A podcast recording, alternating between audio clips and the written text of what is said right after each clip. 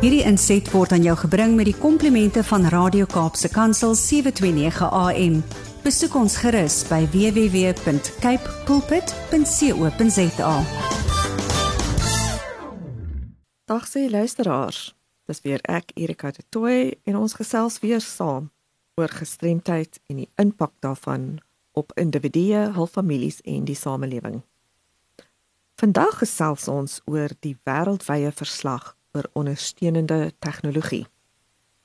In Mei 2018 het die Wêreldgesondheidsorganisasie, die WHO, erken dat die meerderheid van diegene wat hulptegnologie benodig, nie toegang daartoe het nie en dat dit 'n beduidende impak het op die opvoeding, lewensbestaan, gesondheid en welstand van individue en op gesinne, gemeenskappe en samelewings.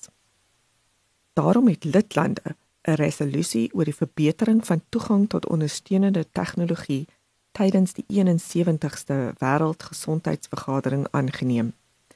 Die WHO se direkteur-generaal is versoek om 'n globale verslag oor effektiewe toegang tot ondersteunende tegnologie voor te berei. Data is van 35 lande met byna 330 000 individue ingesamel.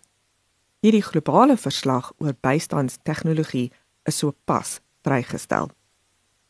Volgens die verslag sal 'n geraamde 2.5 miljard mense baat vind by een of meer hulpmiddels wat waarskynlik teen 2050 tot 3.5 miljard mense sal styg. Vorige statistieke het getoon dat 70 miljoen mense 'n rolstoel nodig het, maar slegs tussen 5 en 15% wel een ontvang. Produksie van gehoorapparate voorsien net 10% van die wêreldwye behoefte en slegs 3% in ontwikkelende lande. Met ander woorde, daar is nie net gapings in die verskaffing van hulpmiddels nie daar is ook 'n verskil tussen vraag en aanbod. Kom ons kyk eers wat presies 'n hulpmiddel is. Die Wetskrif oor die regte van persone met gestremthede definieer 'n hulpmiddel as enige toestel, produk, toerusting of gereedskap wat ontwerp of aangepas is om persone met gestremthede in staat te stel om aan aktiwiteite, take of aksies deel te neem. Hulle kan die volgende insluit: mobiliteitshulpmiddels soos rolstoele, protesies en krikke.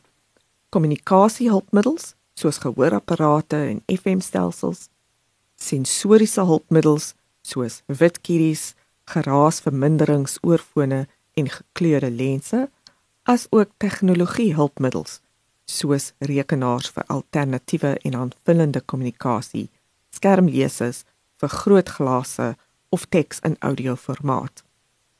Hulptegnologie aan die ander kant is 'n sambreelterm wat ondersteunende, aanpasbare en rehabiliterende toestelle en dienste vir persone met gestremthede insluit. Wat persone met gestremdheid in leerverskille in staat stel om onafhanklikheid te bereik.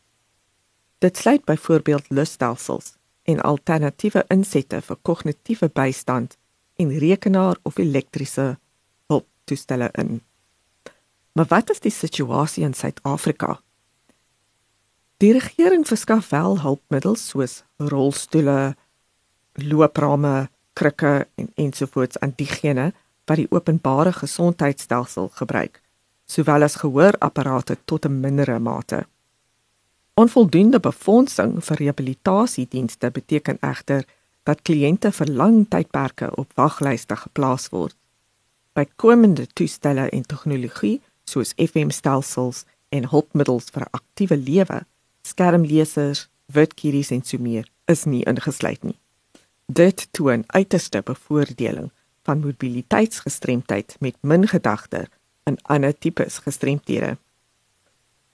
Skenkings van goedkoop toestelle wat in oorseese lande vervaardig word, word ontvang wat gelukkig nie altyd geskik is vir die Suid-Afrikaanse omgewing nie, veral rolstoele. Hierdie rolstoele is nie geskik vir rowwe terrein, word nie van kwaliteit materiaal vervaardig nie en wanneer hulle breek, is onderdele glad nie beskikbaar nie. Daar is ook die fout om te dink dat een rolstoel is toepaslik op almal of 'n Slegte rolstoel is beter as niks. Wat lei tot sekondêre gesondheidskomplikasies wat weer 'n groot druk op ons gesondheidstelsel plaas. Die wêreldwye verslag gee 10 aanbevelings vir lidlande waarvan Suid-Afrika een is. Verbeter toegang tot ondersteunende tegnologie met alle sleutelontwikkelingssektore, veral gesondheid, onderwys, arbeid en maatskaplike sorg en spesifieke beleide moet in plek wees om dit te doen. Nommer 2: Verseker dat hulpmiddels veilig, doeltreffend en bekostigbaar is volgens gehalte standaarde gemaak. 3. Vergroot, diversifiseer en verbeter arbeidsmagkapasiteit. 4. Betrek gebruikers van bystandstegnologie en hul gesinne aktief. 5. Verhoog openbare bewustheid en bekamp stigma. 6. Belê in data en bewysgebaseerde beleid. 7. Belê in navorsing, innovasie en 'n bemagtigende ekosisteem. 8. Ontwikkel en belê in bemagtigende omgewings. 9.